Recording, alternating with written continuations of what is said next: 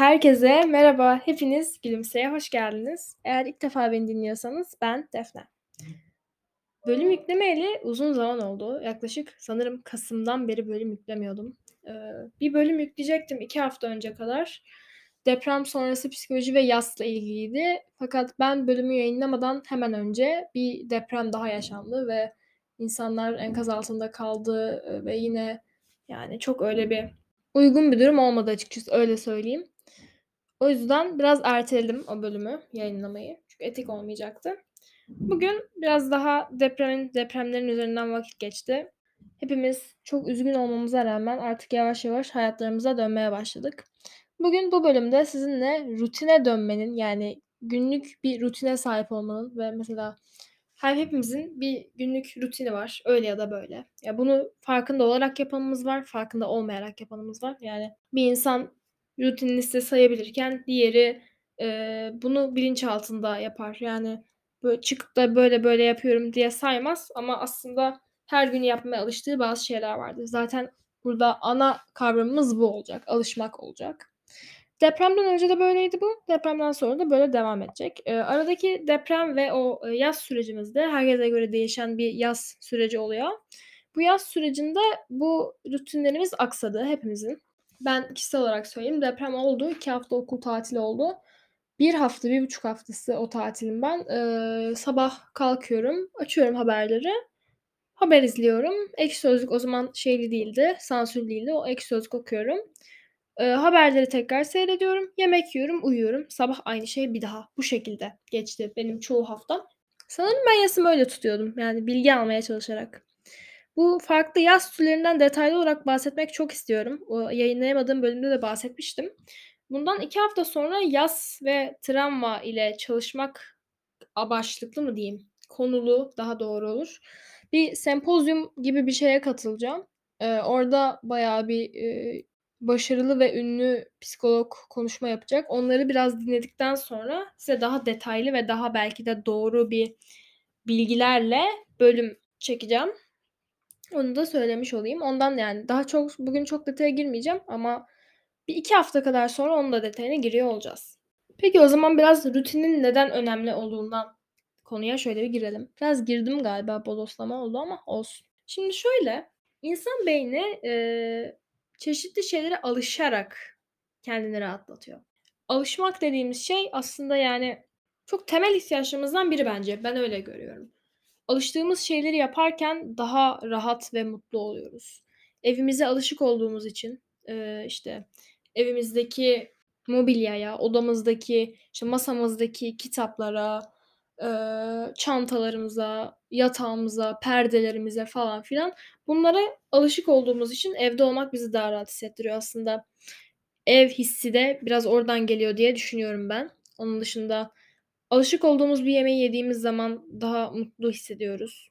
Alışık olduğumuz bir yere gittiğimiz zaman yine daha rahat ve mutlu ve huzurlu oluyoruz. Bunun pek çok örneğini sayabiliriz.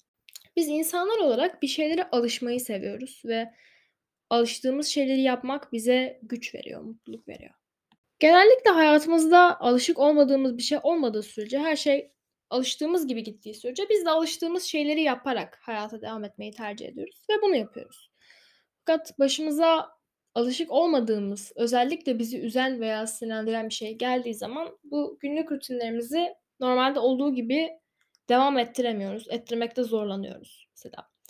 Başımıza ülkece gelen bir olay bu depremler oldu. Biz bu depremlerden sonra hem çok üzüldük hem çok sinirlendik ve çoğumuz günlük hayatımızı bir ölçüde devam ettiremedik. İnsanlar içtikleri sudan suçlu hissetmeye başladılar. Yedikleri yemekten suçlu hissetmeye başladılar. Montlarından suçlu hissetmeye başladılar. Buna survivor's guilt deniyor bu arada. Eee, hayatta kalan insanın suçluluk duyması. Bu yakın yakın bir, eee, yani yakın olduğunuz birisi vefat ettiğinde falan da görülen bir şey. Bu survivor's guilt bize çok zarar verdi. Eee, ben kişisel olarak yaşadım gerçekten ve yaşayan çok da insanla konuştum, biliyorum. Hani, resmen hayatımızın bir yerde durması sadece birkaç saniye aldı ve biz ne yapacağımızı bilemedik. Rutinimizi yapmak suçluluk hissettirdi belki, belki içimizden yapmak gelmedi, üzüntümüzden bir şey yapamadık, yasa girdik ki ben çoğumuzun yasa girdiğine inanıyorum ve bunu da biliyorum. Kendim yani ciddi bir yaz süreci yaşadım.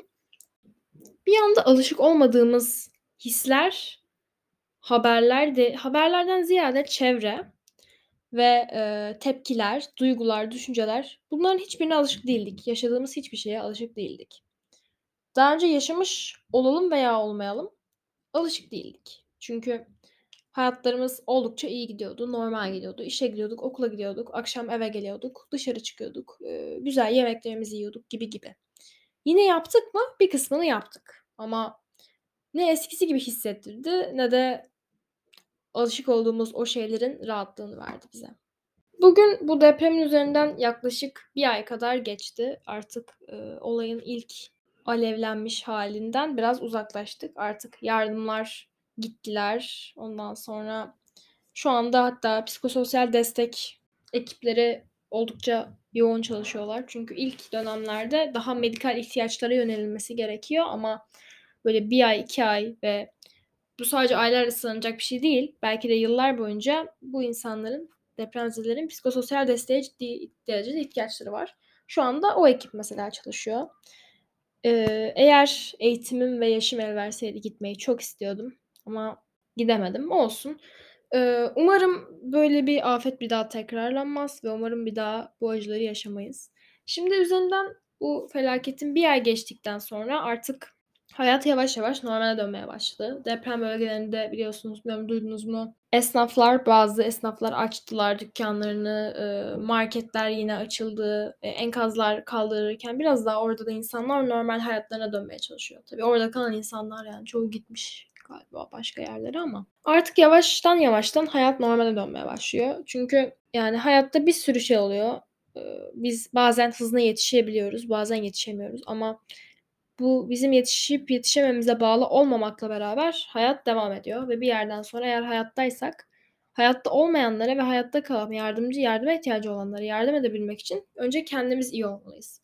Çünkü eğer biz iyi olmazsak yardıma ihtiyacı olanlara, gerçekten iyi olmayanlara biz nasıl yardım edebiliriz? Bu noktada bizim için en önemli olan şeyin ben rutine dönmek olduğunu düşünüyorum. Bizim depremden önce bir günlük rutinimiz vardı. Belki deprem bunu durdurdu. Belki farklı şekillerde değiştirdi. Atıyorum, depremden sonra her gün bir saat bir yere gidip yardım yapıyor olabilirsiniz veya, işte, benim yaptığım gibi, eee, deprem hakkında konuşup veya, işte, bir yerde atıyorum içerik üretip veya bir depremzede çocuğa ders verip veya bir gönüllülükte bulunup şu an aklıma gelmedi bir sürü şey olabilir.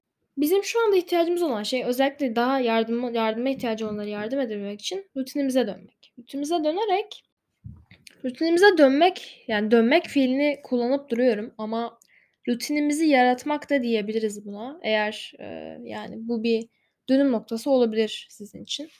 Eee, gün içinde yaptığımız şeyler bizim iyi oluşumuzu çok etkiliyor. Ben de bir süre boyunca bir günlük hayatımda yaptığım şeyleri ve rutinime eklemeye çalıştığım şeyleri, günlük rutinimin kendisini paylaşıyor olacağım.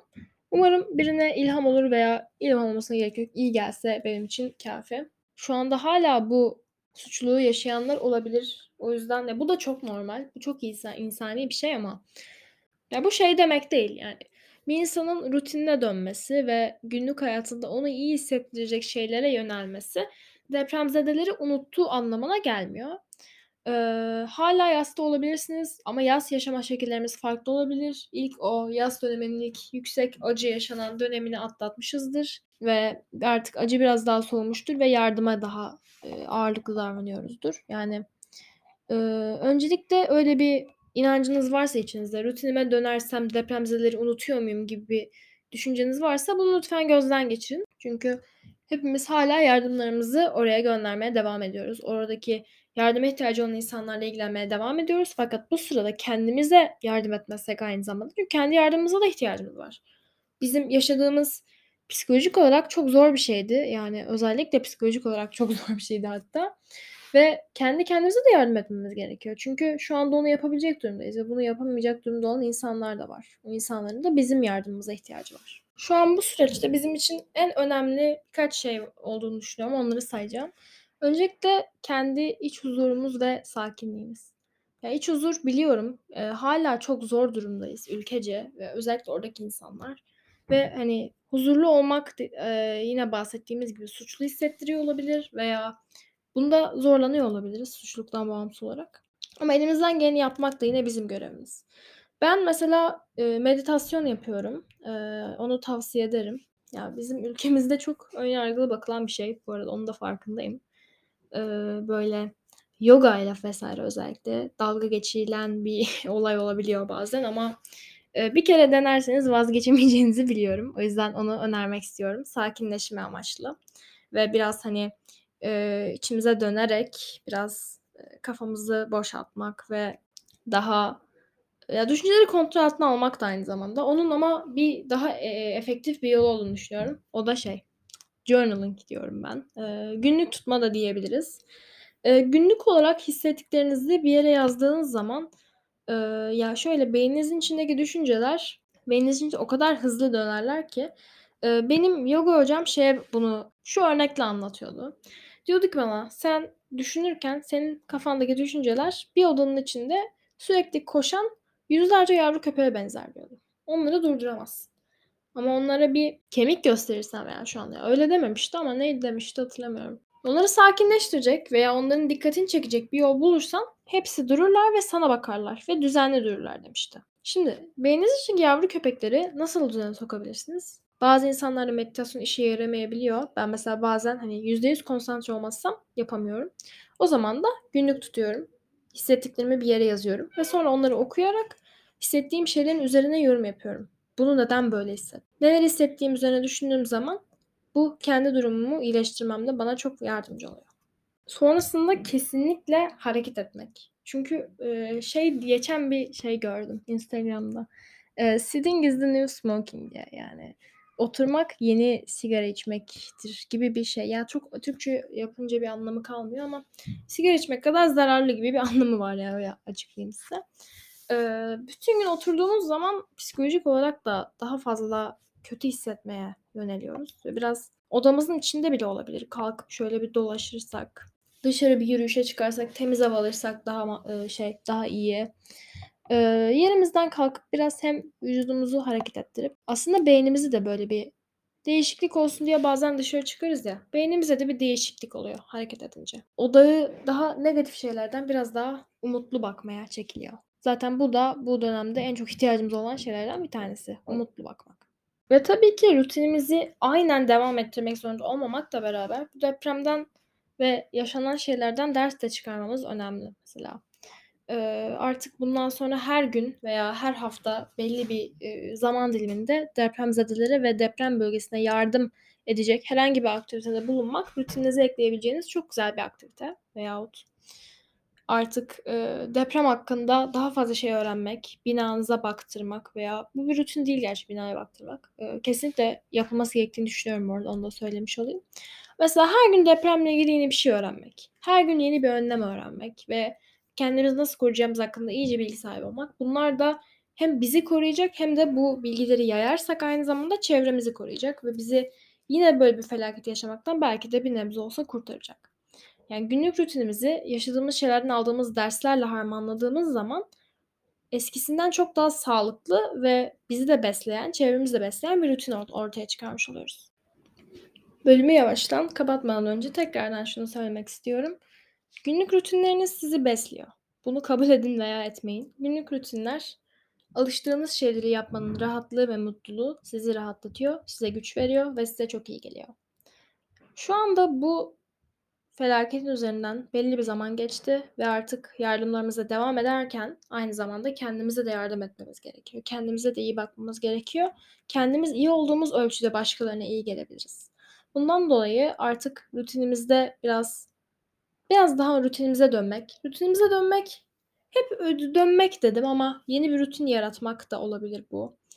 Eee, yeni bir rutine adapte olmak, bir rutinin içinde olmak ve bu rutinin bize iyi gelen bir rutin olması, hem bizi hem çevremizi besleyen bir rutin olması da önemli. Size iyi gelen şeyleri yapın ve kendinizi de şarj edin çünkü biz de çok zor bir psikolojik durumdan geçiyoruz. Herkes ülkede şu anda bu durumda ve birbirimize yardım etmemiz gerekiyor. Ve aslında birbirimize yardım etme etmemizin anahtarı da kendimizden geçiyor. Herkes kendine yardım edecek önce, sonra çevresine, sonra deprem bölgesine yardım edebilsin. Beni dinlediğiniz için çok teşekkür ederim. Umarım bir şeyler öğrenmişsinizdir ve keyif almışsınızdır. Eee, bugün o kap kapanışımı yapayım ya. Ne diyordum ben? Onu unutmuşum. Elimizden geldiğince gülümsemeye çalışalım. Çünkü elimizden geleni yaparak bunu da hep beraber atlatacağımıza inanıyorum. Hepinizi çok seviyorum. Görüşmek üzere.